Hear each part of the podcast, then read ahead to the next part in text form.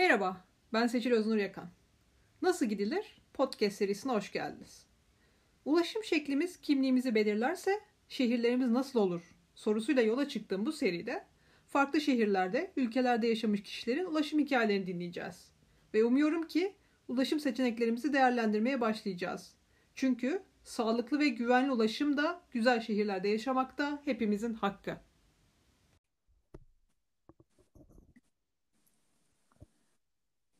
Bugünkü konuğum Ayşe Pınar Köprücü. Pınar hoş geldin.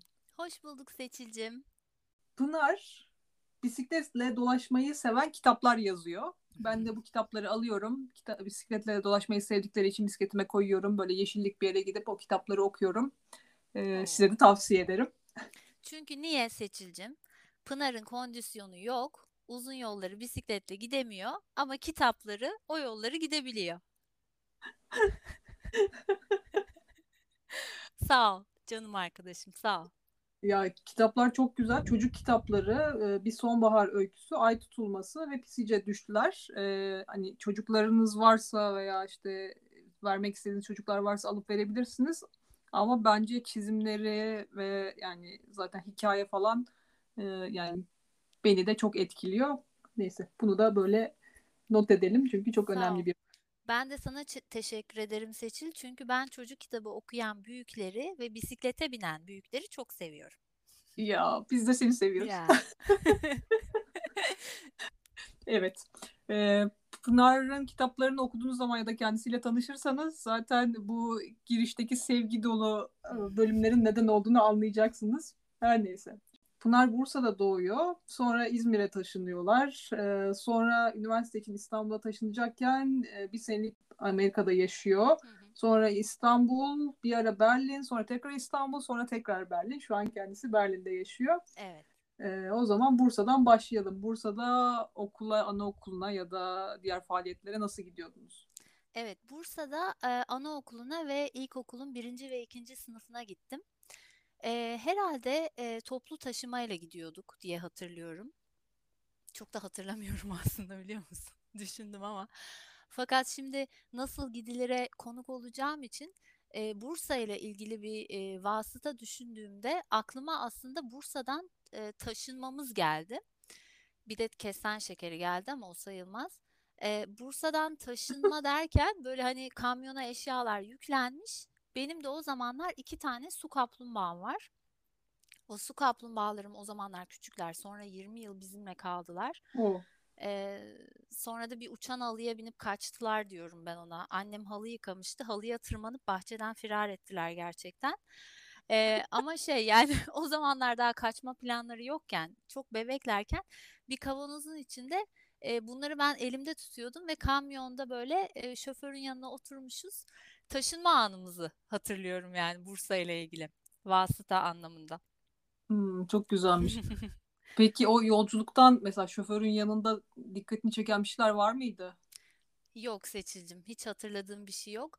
Ama hani Bursa'da ilginç olan şey e, ben kekeliyordum küçükken ve e, 3 yaşımdan 6 yaşıma kadar ağır e, kekeliyormuşum. Söylediklerim anlaşılmayacak kadar. Beni bir çocuk doktoruna götürmüşler. E, o da böyle alanında çok iyiymiş. Demiş ki e, çocuğunuzu sosyal faaliyetlere yollayın. E, bilhassa da yüzme kursuna gitsin. Çünkü yüzmede e, nefesimizi tutmayı öğrendiğimiz için iyi olurmuş. Bir de işte hani buradan da kekeleyenler varsa işte müzikli konuşma, kuklaları konuşturma, sakız çiğneme, balon yapma falan faydalı oluyormuş. E, dolayısıyla ben işte yüzmeye ve baleye başladım Bursa'da ve 15 gün içinde gerçekten o 3 yıl süren kekelemem kesilmişti. Babam devlet memuru idi. E, şimdi emekli oldu tabii. Bursa'da bale okulu, konservatuar olmadığı için İzmir'e tayinini istedi.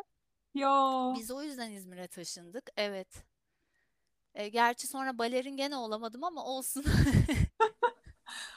ama yani bu gerçekten şahane bir hikaye. Çok tatlı bir hikaye, evet. Evet ya çok güzel. Hani işte şimdi bunları övmek gibi olmasın tabii ama Ee, hani böyle büyütülen çocuklar işte emek verilerek, özen verilerek, değer verilerek büyütülen çocukların işte sonradan neler yaptığını görüyoruz. Maalesef şiddetle büyütülen çocukların da sonradan neler yapamadığını ya da e, kötü şeyler yaptığını görüyoruz. Bu çok şey güzel bir yani örnek, çok güzelmiş. Gerçekten çocukluk benim de yani gözlerimin e, dolmasına sebep olan bir sözcük. Çocukluk hani insanın ana yurdudur falan da deniyor.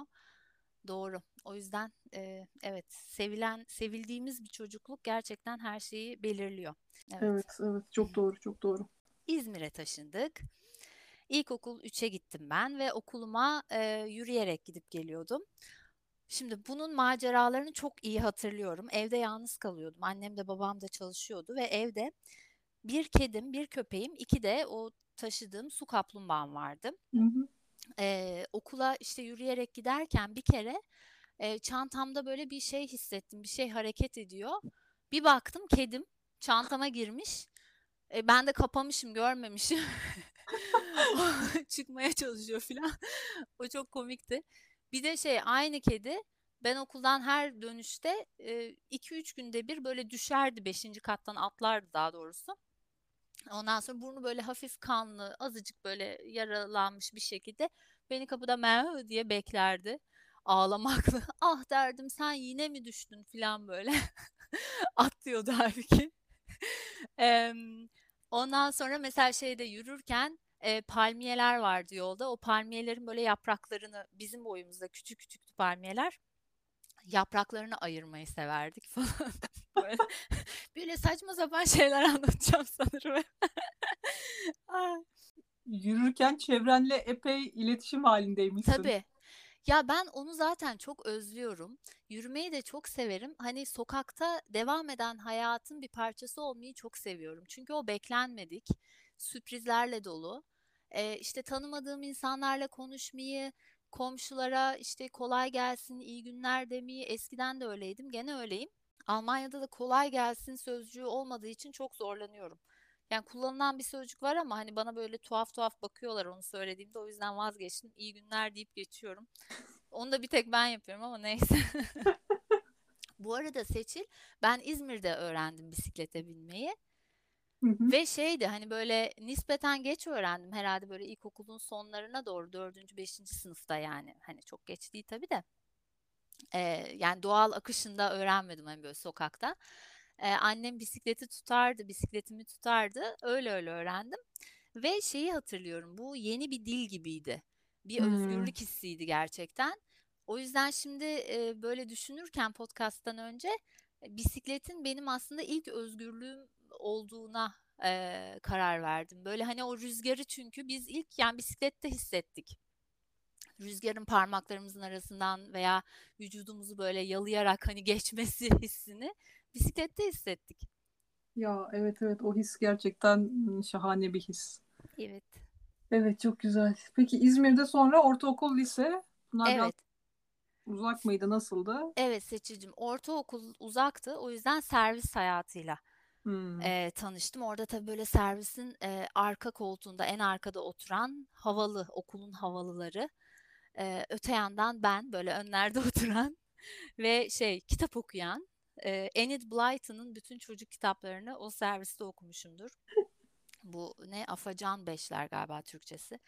E, The Famous Five. Onları hep okudum.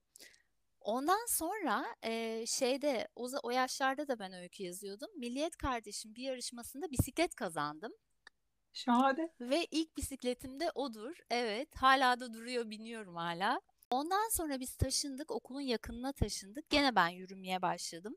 Tabii okula yakın oturan herkes gibi hep böyle geç kalıyordum filan. Bu arada iki sokak köpeğim vardı. O iki sokak köpeğim Hermes'le Nane. e, beni her sabah okula götürüp okuldan alıyorlardı. Hatta binanın içine de girmeye yelteniyorlardı. E, onlar çok tatlıydılar. Evet, Şu anki şehir hayatına bakınca senin okula gidiş gelişlerin bile masal gibiymiş. Dolayısıyla senin çocuk kitapları yazman zaten kaçınılmazmış. canım ya. Aa, çok güzel. Sonra lise lisede böyle miydi? Yine yürüyerek mi gittin yoksa o da uzakta mıydı? Lisede de yürüyerek yine aynı okula Hmm. devam ettim evet. Tamam çok güzel. Peki Liseden sonra e, üniversiteyi kazandın İstanbul'u ama İstanbul'a gitmeden önce başka bir şey yaptın. Evet, İstanbul'a gitmeden önce e, Rotary'nin bir değişim programına katıldım. E, burs verdiler sağ olsunlar ve gerçekten de hani benim hayatımı çok şekillendiren bir yıl oldu bu. Amerika Birleşik Devletleri'nin Maine eyaletine gittim. E, bunu da herkese aslında çok tavsiye ederim. E, böyle kime hani bir şey işte konuşma yaptığımda falan bu Rotary kulüplerde eskiden e, konuşma yaptığımda hep onu söylerdim. Hani çocuklarınız, torunlarınız için iyi bir şey yapmak istiyorsanız muhakkak onları böyle bir sene nere neresi olduğu hiç önemli değil. E, yollayın. E, gerçekten hiç önemli değil. Hani dil öğrenmek değil amaç. O çocuğun hayatta tek başına olabilmesi ve kendini bulması, kendini görmesi, tanımasını sağlamak. Evet, ben de ABD'nin Maine eyaletine gittim. Maine hep Kanada zannederler. Çünkü böyle hiçbir şey yok gerçekten. Hiç ABD gibi değil. Kızıl derilisi bol. İşte bu Kanada geyiği, muz e, hayvanı bol filan. E, çok güzeldi. Hatta şeydi Seçil. E, zannediyorum böyle bir adalara da gitme ihtimalim vardı. Bahamalar mıydı neydi? Oh, evet. E, ama işte ben hani böyle e, memur çocuğu olduğum için hani daha böyle mantıklı düşünmem gerekti. İngilizce öğreneyim. Hani güzel bir aksan edineyim falan diye. ABD'yi seçtim ama Bahamaların resmine bakarken böyle okula mayo ile giden çocukların resmini görüp bundan çok etkilendiğimi hatırlıyorum. Ya bunu böyle hiç düşünmemiştim. Hani çocukların bir böyle minik bir kayıkla mesela e, okula gitmesi fikri üzerlerinde mayo, bikini çok tuhaf gelmişti. Hayal gibi yani başka Evet. bir dünyada yaşıyorlarmış ki yani İstanbul mesela hani İstanbul'da denizi olan bir şehir ama İstanbul'da hani evimiz, okulumuz denize yakın bile olsa denize girme fikri bize o kadar uzak ki böyle mayoyla okula giden çocuklar şu an inanılmaz geliyor. Evet evet. Ama Kuzguncuk'ta işte biz sonra İstanbul'da yaşadığımızda orada yüzenler çoktu. Hatta böyle mahallenin çocukları işte bir e, yerden şeye akıntıya kendilerini kaptırıp el sallayarak böyle Kuzgu sahil boyunca geçerlerdi. Bu Aa, arada bu e, tabii Maine'e gitmek yani benim için bambaşka bir e, deneyim oldu. Çünkü e, bir defa şeyi gördüm. Yani ev işi dağılımında kadın erkek eşitliğinin beni çok çarptığını hatırlıyorum. Yani yanında kaldığım aile aynı sürede e, birlikte ev işi yapıyorlardı. İşte biri evi süpürüyordu, biri başka bir şey yapıyordu. Sonra işte bir kayıkları vardı, tekneleri diyeyim. O tekneyi böyle arabaların üstüne birlikte yüklüyorlardı. Kadın da böyle gayet güçlüydü falan. Yani ikisi de sonra birlikte koşuya çıkıyorlardı falan. Bunlar bana çok değişik gelmişti ve ufkumu açan şeylerdir. Bu arada ilk gittiğimde mesela şehir merkezinde Freeport şehrindeydim. Bakıyorum böyle karşıya geçeceğim. Adım atar atmaz yaya geçidinde duruyor arabalar. Bu bana bir tuhaf geldi. Böyle bir iki sefer sırf şeyliğine, hergeleliğine diyeyim. Ve karşıya geçip duram hiç işim yok abi. Hepsi duruyorlar falan. Sonra tabii o da benim için şey heyecanını yitirdi bir yerden sonra alıştım. Veya şeydi, orada da okula servisle gidiyordum. Ama şimdi ben orada lise sonum, 12. sınıfım ve yani benim yaşımdaki çocukların hepsi 16 yaşından itibaren arabalarıyla gidip geliyorlar. Ben böyle hani Türkiye'den gitmiş değişim öğrencisi servise işte e, birler şeyler orta birler ikilerle biniyorum filan. Herkes böyle otobüste çantasını yanına koyar yanına kimse oturmasın diye. Bunlar bana mesela çok tuhaf gelmişti. Veya okula işte ilk başladım. Ee, diyorum ki ben eve yürürüm ya. Halbuki bayağı var yani mesafe bir 10 küsür kilometre var hı herhalde. hı. Beni tanıyan bir öğretmen yanımda durup işte şey demişti. Götüreyim mi hani evine bırakayım mı falan. Aa yok gerek yok ben yürümeyi severim falan böyle bir artistlikler. Sonra tabii birinci haftadan sonra e, bir de hava da çok soğuk oluyor yani havalar da soğuyunca o artistliğimden hiç e, eser kalmamıştı. Sonra bir ara e, bir şey koşu takımına girdim mesela orada. Hani şey yok, bir aracım yok filan. Bari koşayım iyi olabilir miyim diye. Ama orada da böyle yaprakların gördüğüm kuru yaprakların peşine takılıp ormanda sürekli kaybolduğum için koşu takımının koçu hep beni aramaktan kadıncağızı fenalık bastı. Zaten koşamıyordum da. Öyle komikti yani. Ya çok güzel hikayeler yani sen anlattıkça ben dinlerim. Çok güzel hikayeler. Bu herhalde ya şu hani yola e, karşıdan karşıya geçme hikayesi hepimizde var. Yani ben de ilk yurt dışına çıktığımda ve hani e, tanıdığım herkes neredeyse herkes yurt dışına çıktığında işte bu karşıdan karşıya geçerken arabaların yol vermesi ve oradaki suratımızdaki şaşkınlık nasıl araba bana yol mu veriyor otobüs bana yol mu veriyor nasıl olur nasıl olabilir? Böyle bir dünya mümkün mü? Halleri hepimizde oluyor. Evet. Bu evet. arada Maine'de bir e, Kızılderili projesinde görev aldım. Şeyde ana dillerinin korunmasına yönelik. Boğaziçi Üniversitesi'nde mütercim tercümanlık okudun. Yani dile, farklı dillere böyle bir merakın var mıydı? Mesela Kızılderili projesi seni o yüzden mi çekti acaba Tabii. yoksa? Hmm. Tabii. Çünkü e, insanın dili içinde büyüdüğü dil ve insanın da e, şekillendirdiği dil e, konuşan kişi olarak şekillendirdiği dil gerçekten dünyasını belirliyor. Ben buna çok inanıyorum. Ve o bizim orada konuşulan işte Kızılderili dillerinde de ben bunu gördüm. Yani mesela şey vardı e, oradaki Passamaquoddy dilinde dağdan doğan bir su kaynağının yani o suyun gözü denir yani o çıktığı hı hı. çıkması için kullanılan fiille birinin önünde eğilmek, birini selamlamak fiili aynı. Aynı kelimeyi kullanıyorlar. Bu bence mesela çok tatlı ve o halkın doğaya bakışını çok güzel yansıtıyor. Hmm, çok yani güzel. onu selamlamaya benzetmiş. Yani nasıl bir dünya görüşüdür ki suyun doğduğu yeri insanın selam doğaya verdiği bir selama benzetmiş. Hmm. İnanılmaz evet çok güzel bir örnek. Bir de tabii bu diller yok oluyorlar. Yani Hı-hı. yazılmadığı, konuşulmadığı için işte onlara dayatılan o yaşam tarzı nedeniyle. Ee, o da önemli. Yani konuşanı kalmayınca dilde gidiyor. Evet evet yani çok doğru. Şey dedin yani dünyaya bakışımızı belirliyor aslında. Doğru hani kavramlarla düşünüyoruz ama bilmediğimiz bir kavram varsa farklı. Şimdi ben mesela Yunanca öğreniyorum ve Yunanca'da böyle farklı kavramlar var. Türkçe'de hiç olmayan e, kelimeler var. Farklı bir düşünüş orada kafam çalışmaya başlıyor ve bence herkesin yani birkaç tane yabancı dil öğrenmesi şart aslında. Hı hı. Çünkü bu gerçekten bizi şekillendiriyor. Hı hı. Evet. Evet çok güzelmiş. Sonra İstanbul'a döndün ve üniversiteye başladın. Evet, e, üniversiteye başladım. E, Boğaziçi Üniversitesi'nde çeviri bilim bölümünde okudum. Ve okul ayağıma geldi. Çünkü yurtta kalmaya başladım. Oh, şahane. Ve böyle son yıllarımda, okuldaki son yıllarımda Boğaz manzaralı bir odada kaldık. Muhteşem yıllardı ve e, yurttaki e, arkadaşlarıma, kızlara hep şey derdim zaten. Bir daha biz böyle bir yerde hayatta kalamayız kızlar. iyi bakın bu manzaraya. Nitekim öyle de oldu. Ne kadar haklıymışım. Orada da şeyi düşündüm. Ee, nasıl gidilirle ilgili. İstanbul-İzmir arası otobüs yolculuklarını düşündüm. Böyle şey hani uzun süren ve genelde artık gün kaybı olmasın diye e, geceye alınan işte 9 saat süren e, otobüs yolculukları. Hı hı. Ve genelde şey olurdu. Ben böyle yanıma oturan kişilerle sohbet etmeyi de severdim genelde. İşte yanıma oturan teyzeler işte ne okuyorsun diye sorardı. Tercümanlık deyince e, aldığım yanıt hep e, e olsun. işte tıbba puanın yetmedi mi? E olsun falan olurdu. O geldi aklıma.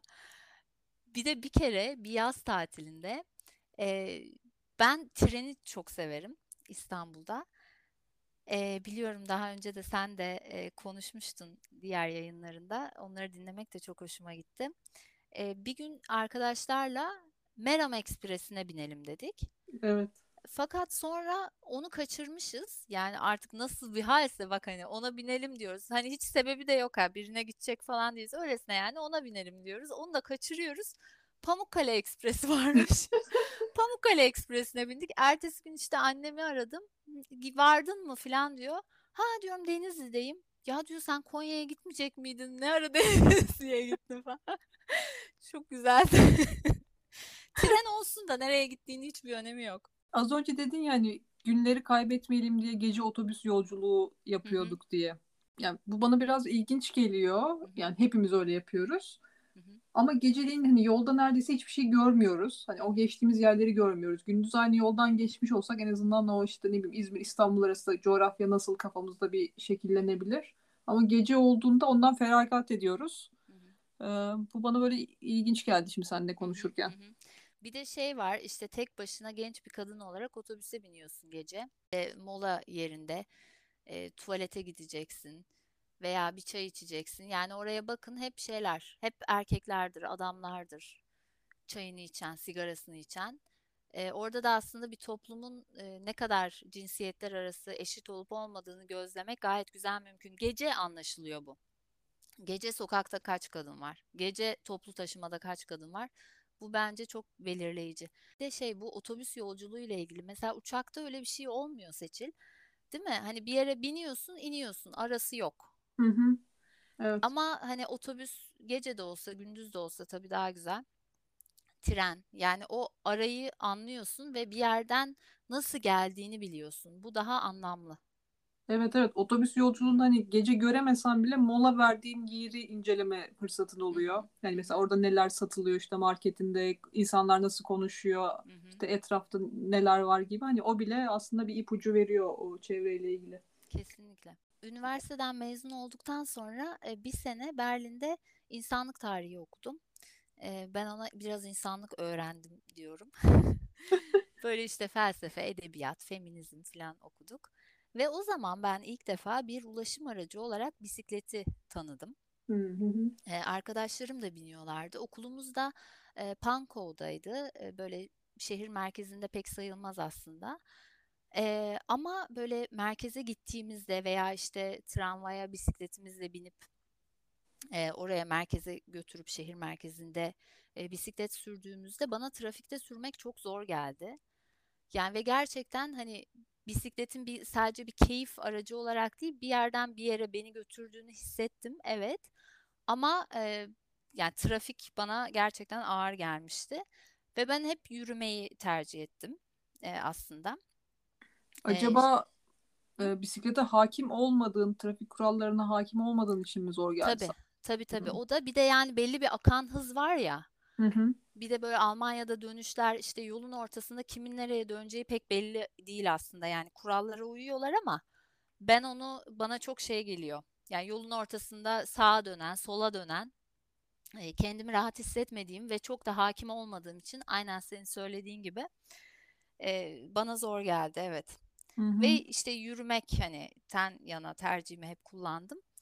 E, bu arada işte okulda da felsefe okuduğumuz için böyle kalın kalın bütün o işte e, antik Yunan'dan başlayarak yazılmış ne varsa işte İlyadalardan itibaren hepsini okumuştuk ve iyice böyle bir kapalı bir e, hayat sürüyorduk orada. Yani hep böyle bir yetiştirmemiz gereken bir okuma vardı. Bir dönem okula yan ayak gittiğimizi hatırlıyorum. Yani orada da yurtta kalıyorduk. Çok yakındı zaten binalar.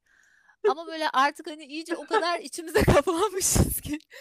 Böyle işte elinde kahvesiyle daha hani bedeni ayakta ama aslında içi hala uykuda, en derin uykularda. Yan ayak okula gidiyoruz. İşte elimizde filozofların kitapları falan. Çok komikti o günler. Böyle bir dünyadan sonra tekrar İstanbul'a döndün. E, Tekrar tabii İstanbul'a ayakkabı giymen gerekti İstanbul'da yaşarken. Evet. Orada çalışma hayatına başladım. Eee, konferans tercümanı olarak ve şey kara ve deniz ulaşımını orada kullandım. Hı hı. Gebze'de gittiğim bir iş vardı. Zaman zaman toplantıları olduğunda o zaman banliyö treniyle giderdim. Orada mesela çok severdim onun çıkardığı sesi, binen insanları. Çok güzeldi bence. Bir de tabii işler hep farklı farklı yerlerde olduğu için eee, bir gün öncesinden hani oraya nasıl gidilir, en iyi nasıl gidilir diye bayağı bir mesai harcamak gerekiyordu. İşte deniz otobüsü mü, metrobüs mü nedir diye. He- hep yeni bir güzergah idi çünkü. Bu arada tabii metrobüs keyfi eee, ile tanıştım. Ki bence bu ayrı bir beceri gerçekten. Yani insanlara kabalık etmeden o metrobüse sadece binebilme yani oturabilme demiyorum, binebilme becerisi. Hatta metrobüsten korkan bir arkadaşım vardı. Ama böyle bir gün bir işten çıktık, o da tercüman. Yani en mantıklısı gerçekten evimize onunla dönmemiz. Yani metrobüs daha mantıklı tamam mı? İşte trafik saati falan ben dedim yok sen aslansın yaparsın falan. Onu böyle bir tören gibi neredeyse metrobüse ilk kez bindirişimi hiç unutamam. E, başka bir arkadaşım da şey demişti metrobüsle ilgili. Bahar Eriş hatta e, kendisi de tercüman. E, şimdi çok güzel kitaplar yazıyor. E, o da şey demişti bir gün metrobüse binerken e, nasıl sıvılar içine konuldukları kabın şeklini alır metrobüse binen insanlar da içine konuldukları metrobüsün şeklini alır demişti. Gerçekten öyle. Böyle kendine bir kovuk buluyorsun böyle kafanı oraya sokuyorsun filan değişik şekillerde. İstanbul'da yaşarken böyle bir değişiklik oldu. Tek kişi yürürken e, birden iki kişi yürümeye başladın. Anne oldun. Evet. Çocukla İstanbul'da yürümek ya da bir yerden bir yere gitmek nasıldı? Seçil ben o zaman Kuzguncuk'ta oturuyordum. Fakat ona rağmen yani Kuzguncuk hani nispeten iyi bir yer olduğu için söylüyorum bunu. Çok çok zordu. Kaldırım diye bir şey yok. Arabalar sürekli e, yola park ediyor ve yani hem kaldırıma park ediyor veya sizin o pusetle geçeceğiniz o rampalara park ediyor, önünü kapatıyorlar. Hani tekerlekli sandalyeliler zaten hani ne yapsınlar onları düşünemiyorum bile. Hı hı. E, ama gerçekten çok zordu. O yüzden ben Atlas'ı neredeyse 3 yaşına kadar hep o kanguru denilen e, şeyde taşıdım. Yani kucakta taşıdım taşımam gerektiğinde, e, yürümediğinde. Ve e, hani bir bebek arabası alınıyor bebek doğunca sanki böyle çok lazımmış gibi. Ama gerçekten İstanbul'da onu kim ne kadar kullanabiliyor hiç bilmiyorum. E, bu, bu gerçekten bence çok sinir bozucu bir şeydi. E, bu arada şey e, Atlas oğlumun adı. Ona Taytay aldık. E, evet. bir buçuk yaşındayken filan. E, ve şey o Taytay'da dengeyi öğrendi. Onu çok tavsiye ederim. Böyle Kuzguncuk'ta bizim güzel bir bostanımız vardır. Büyük bir bahçe diyelim. E, tarihi bostan. O bostana mesela girerken hafif böyle bir rampası var. Daha iki yaşında ayaklarını iki yana açıp kendini o rampaya bırakıp böyle bayağı hızlı son sürat iniyordu bostana. Çünkü o denge duygusunu tatmış çocuk. Zaten ondan sonra da bisiklete binmeyi çok kolay öğrendi. Ya 3 yaşında hatta belki daha bile erken emin değilim. Gayet güzel bisiklete biniyordu.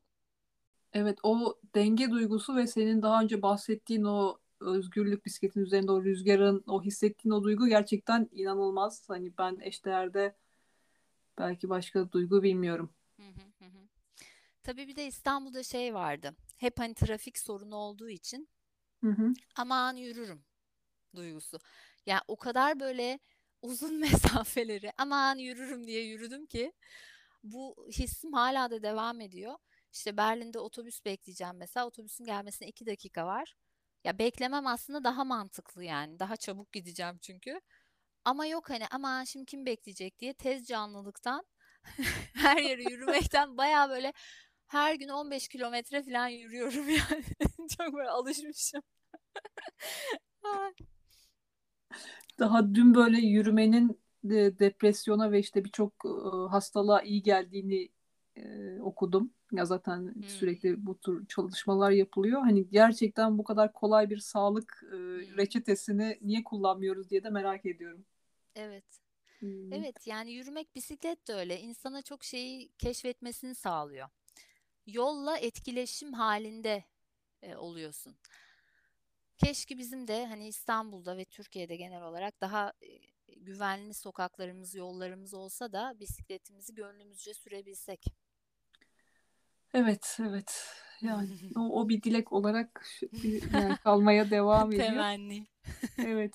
Peki Atlas'la Berlin sokaklarında ulaşımınızı sağlamak nasıl oluyor? Yani İstanbul'a göre daha, gerçi artık bebek arabası kullanmıyorsun ama en azından toplu taşımaya inip biniyorsun. Atlas'la kolay oluyor aslında. Çünkü çok güzel bir ulaşım ağı var. E, hani bir metrodan inip öbürüne biniyorsun filan. O yüzden rahat. Aslında Atlas'ın okulu şu anda ilkokul 1'e gidiyor. Ee, şehrin merkezinde. Biz de biraz oraya 50 dakika uzakta oturuyoruz. O yüzden e, bayağı 3 vasıta değiştiriyoruz. Yani Berlin'e göre çok. Yolumuz da uzun. E, bayağı kitaplar okuyoruz işte yolda. Yolu o şekilde değerlendiriyoruz. E, efendim ne yapıyoruz? Tabii çantasını taşımak falan biraz şey oluyor. Çantası ağır oluyor gene de. Ama e, yürüyoruz. Otobüse biniyoruz ve metroya biniyoruz. Evet. İki hı. otobüs, bir metro şeklinde gidiyoruz okula. Kalabalık mı peki? Yani e, metro değil ama otobüs kalabalık olabiliyor. hı hı. E, mesela şeye buraya ilk geldiğimde Berlin'e ilk taşındığımda e, burada bir bakkal var. E, Türkiye'den ürünler satıyor. Oraya mesela yürümeye çalışırdım. Atlas'la ay bir türlü çok uzak gelirdi. Halbuki ya çok yakın. Böyle 500 metre falan yani. Ama onun o minicik adımlarıyla ya o kadar zor oluyordu ki yürümek. Şimdi böyle bakıyorum çat diye gidiyoruz oraya falan. Hatta bisikletimizle gidiyoruz. Sonra Evet. işte sepetimize aldığımız şeyleri koyuyoruz falan. Bence bunun güzel bir yanı var. Yani bisikletli olduğunda alacağın şeyi de ona göre hesaplıyorsun. Mesela ben dün e, güllaç aldım. Seçildi. Oradan ve güllacı taşıyamadım bisikletle. Onu düşünmemişim. Hani böyle onun bir de böyle bir kutuda aldım. Hani şeyde değil, yuvarlak plastik bir şeyin içinde değil, karton kutuda aldım. Hı hı. Onu böyle arkaya sıkıştıramadım, sepete koyamadım, kolumun altında gittim filan ama böyle komik geldi hani bunu düşünmemişim diye.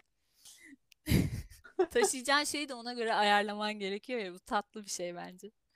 Evet evet. Berlin'de servis gibi bir imkan var mı? Yani Servis çocuklar gibi bir imkan e, engeli olan çocuklara varmış. E, yani o zaman devlet sana şey sunuyormuş, servis imkanı sunuyormuş. Ama yoksa hani uzakta oturduğun için servis imkanı yoktu. Ama bizim okul devlet okulu. Hani diğer özel okulları bilemeyeceğim. Belki onların vardır. Hı hı. Ama duymadım. Aslında evet imkan dedim ama bir yandan da imkansızlık. Çünkü eğer zaten çocukların da güvenli kullanabileceği bir toplu taşıma varsa Hı hı. servise gerek olmuyor. Ya burasıyla ilgili evet o güzel bir yan. Okula mesela birinci sınıfta olup yürüyerek gelen çocuklar da var. Hani Hı öyle bir hı. güven. İşte atıyorum bir tane mesela trafik ışığı geçiyor. Çocuk da gayet hani bilinçli yeşilde geçiyor, kırmızıda duruyor. Annesi babası biliyor ki işte kurallara uyacak toplumun diğer bireyleri de.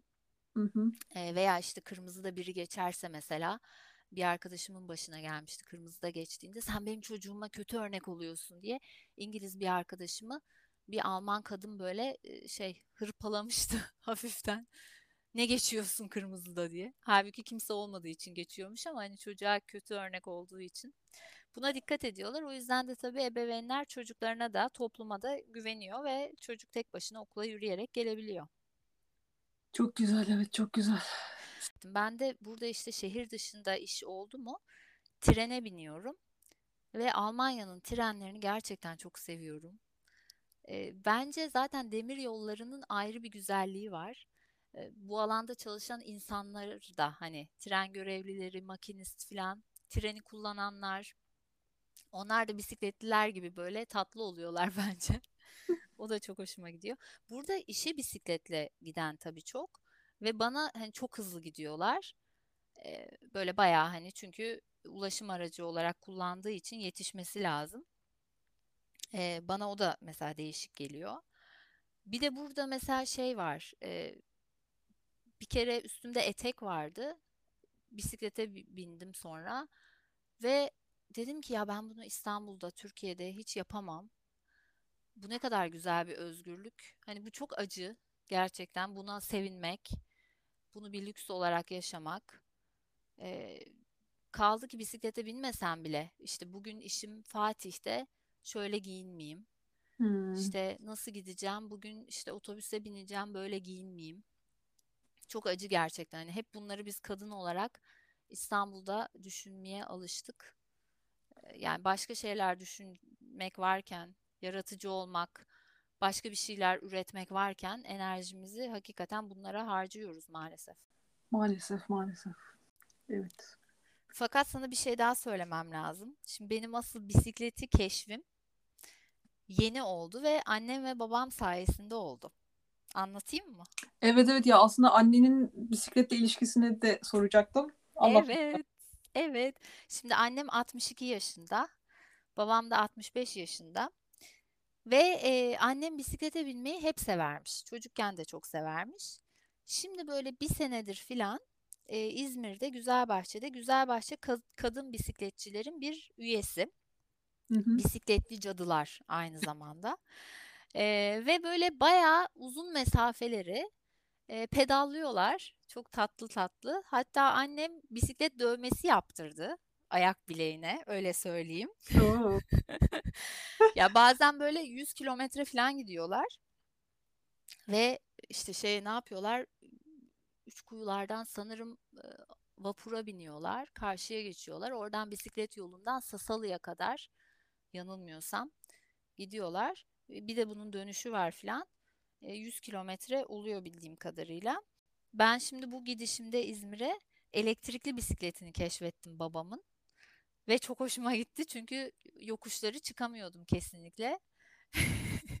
Onu onu açarak böyle gayet güzel arkadan biri ittiriyormuş gibi. Ee, gayet güzelmiş o da. Onu keşfettim. Yani bu bisiklet bilmiyorum bisikletin çocuklukla, çocuk olmakla, kalmakla çok yakından bir ilgisi var. Ve hani e, bize dayatılan bazı şeylerin de toptan bir reddi aslında. Hani sokakları ele geçirmenin bir ifadesi gibi. Hani biz de varız demenin, işte sokakları da geceleri de istiyoruz diyoruz ya biz hani feminist yürüyüşlerde. Evet. Yani onu demenin bir yolu. Ee, ve çok güzel bir yolu. Evet evet çok güzel bir yolu. Ee, ya şey ve şey gösteriyor hani bize dayatılan bazı şeyler işte böyle yaşanır vesaire değil yani Yani yaş farkı olmadan işte Tabii, cinsiyet farkı olmadan ya da başka bir şey farkı olmadan kullanabileceğimiz bir şey. Hani çocukken de öyle oyun oynarsın sokakta kim varsa oynarsın bakmadan. hı, hı hı. Ya evet bu gerçekten öyle çok güzel bir şey çok güzel bir yöntemi. Kesinlikle. Bir de ya mesela bu e, İstanbul'da yaşarken Üsküdar'la Kuzguncuk arasında minibüse binerdim bazen. Çoğunlukla yürürdüm ama oradaki korna sesleri beni bitirirdi.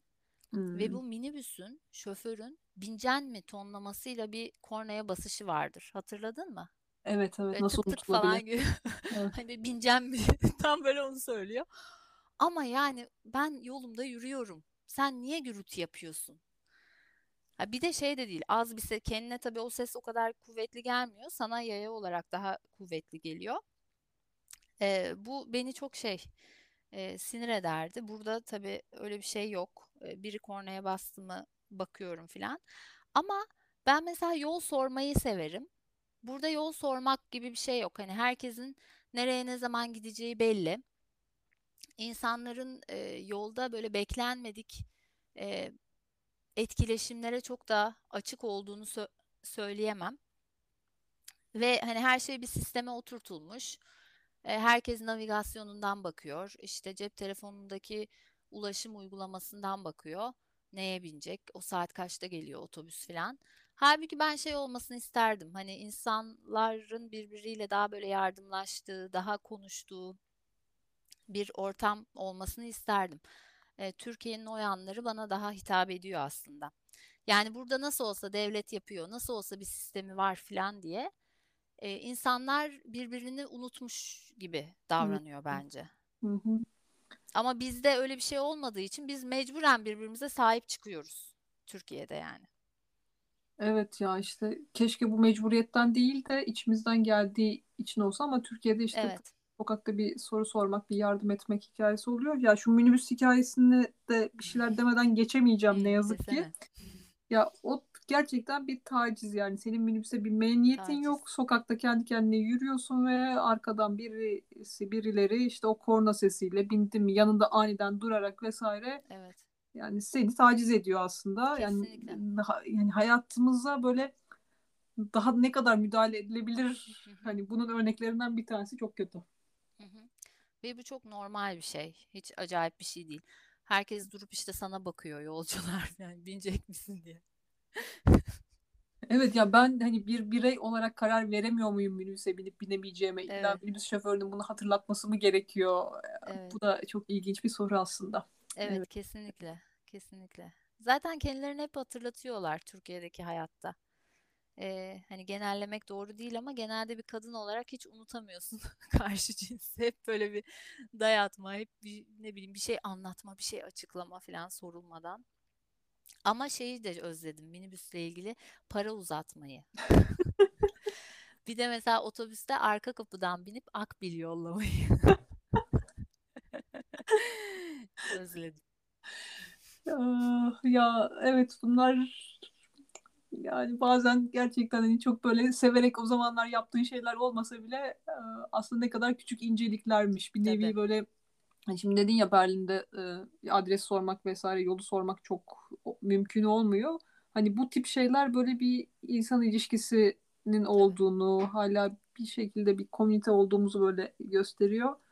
E, Çünkü bir şekilde yandakine güveniyorsun işte Akbil'in geri geleceğini bazen gelmiyor ama Bir de çok komikti böyle bazıları hani koca anahtar demetini yolluyor ya evet elden ele şangur şungur bir sürü anahtar var üstünde. Evet. çok Hmm, güzelmiş doğru doğru çok güzeldi gerçekten. Bir de evet mesela şey geldi aklıma şimdi hı hı. konuşurken. Ortaköy'de oturduğumuz ev dere boyunda bir cami vardır kocaman. Onun tam karşısındaydı. O, onun önünde de otobüslerin ilk durağı vardı, kalkış durağı. evet Böyle binenlerin e, o zaman Akbil vardı. Akbil'in çıkardığı sesten biz işte o otobüse kaç tam, kaç öğrenci bindi. Onu böyle sayabiliyorduk yani. Ev işte bizim oturduğumuz daire beşinci kattaydı arkadaşlarla oturduğumuz. Ama böyle çok komikti. Hala aklımda. Dü dü düt falan diye. Öğrenci tam diye biz evde ev arkadaşlarımla sayardık. Ya evet İstanbul'un sesleri. evet gerçekten çok güzel eğer bunu dinleyenlerden birisi böyle bir ses kaydetme imkanı olursa kaydedip gönderebilirse ya evet gerçekten o sesi kaç milyon kez duydum bilmiyorum ama Sanırım o ses gerçekten değişti artık Seçil ama. aa İstanbul Kartı oldu ya artık. hmm, Galiba artık o ses yok ama emin değilim. evet Diyecekler olabilir. ki Berlin'e gitmiş, düşündüğü şeye bak. Ama işte o küçük hisler işte bisiklete bindiğimizde böyle ne bileyim işte saçlarımızın arasından rüzgar geçmesi, bu tip böyle işte ne bileyim İstanbul'da martıların sesi vapura bindiğin zaman işte o akbil ana, anahtarlı akbilin gidip gelmesi falan bunlar böyle bir şekilde bir aidiyet duygusu belki yaratıyor. Bir şekilde hani orada ne kadar sıkışık olursak olalım belki geçmişe ait bir şey çağrıştırdığı için bilemiyorum ama güzel andığımız sesler. Tabii tanıdıklık duygusu, Hmm. aşinalık hissi veriyor. Evet. Ah, evet çok güzel. Böyle Pınar'cığım çok teşekkür ederim. Ee, sen Seçil'cim ben çok teşekkür ederim. Çok sen de çok güzel e, bir iş yapıyorsun. Ağzına sağlık, ellerine sağlık. Diğer bölümleri de dinledim. Oradan da çok şey e, öğrendim. Ben de böyle nacizane kendi deneyimimi paylaşmak istedim. Umarım e, dinleyenlere böyle bir e, vakit kaybı olarak görmezler. ya ben seninle ulaşım yolculuğunu konuşuruz diye başlamıştım ama buradan hani dil yolculuğundan kültürel yolculuğa kadar bir sürü yolculuk yaptık. Tekrar teşekkür ederim. Sağ ol. ABD'liler daha az araba kullanıyor ama daha çok kişi araba kazalarında ölüyor. 2020 yılında pandemi nedeniyle 2019'a göre %13 daha az araba sürmüşler. National Highway Traffic Safety Administration, Ulusal Otoyol Trafik Güvenliği İdaresi, 2020'nin ilk 9 ayında kazalarda ölümlerin %5 arttığını, aynı şekilde bir kar amacı gütmeyen oluşum olan National Safety Council, Ulusal Güvenlik Konseyi %8 olarak veriyor bu rakamı. Emniyet kemeri takmama, dur tabelasında durmama, alkol, hız ile ilgili çeşitli nedenleri olsa da görünen o ki şehir yolları boşalınca sürücüler bu yolları kırsal gibi görüp gaza basmaya başlamışlar. Hatırlatalım, hepimiz hatırlayalım. Trafik kuralları her zaman herkes içindir. Erişilebilirlik en temel insan hakkı. Rehber Köpekler Derneği bir görme engellinin bağımsız hareket edebilmesi amacıyla kurulmuş. Türkiye'de 5 tane aktif rehber köpek varmış. Eğitimleri 1-1,5 yıl sürüyor. Rehber Köpekler Derneği görme engellilere ücretsiz köpek temin ediyorlar. ve sonraki süreçte veteriner ve gıda ihtiyaçları dahil tüm masrafları dernek karşılıyor. Kara, Türkiye'nin ilk rehber köpeği. 2020 yılında PTT AŞ kendisi adına bir anma pulu bastırmış. Kamuya açık alanlarda yani toplu taşıma araçlarından restoranlara, AVM'lere kadar pek çok noktada rehber köpek görevli olarak bulunabiliyor. Ama ne yazık ki pek çok kişi bundan haberdar değil. Rehber köpeklerin yaptığı bazı şeyler. Engellere takılmadan sahibinin seyahat edebilmesini sağlamak, asansöre yöneltmek, otururken sessizce beklemek, merdiven başlarında ve kaldırım sonlarında durmak, hatta trafikte araba ve bisiklet varsa sahibinin ileri emrine uymamak. Detaylı bilgiyi Rehber Köpekler Derneği web sitesinden alabilirsiniz. Bu bölümde Passamaquoddy dilinde nasıl dedi bizim için Pınar'ın bir arkadaşı. Şimdi Pınar'la Berlin sokaklarında bir yürüyüşe çıkıyoruz. Sonraki bölümde görüşmek üzere. Tama nodowi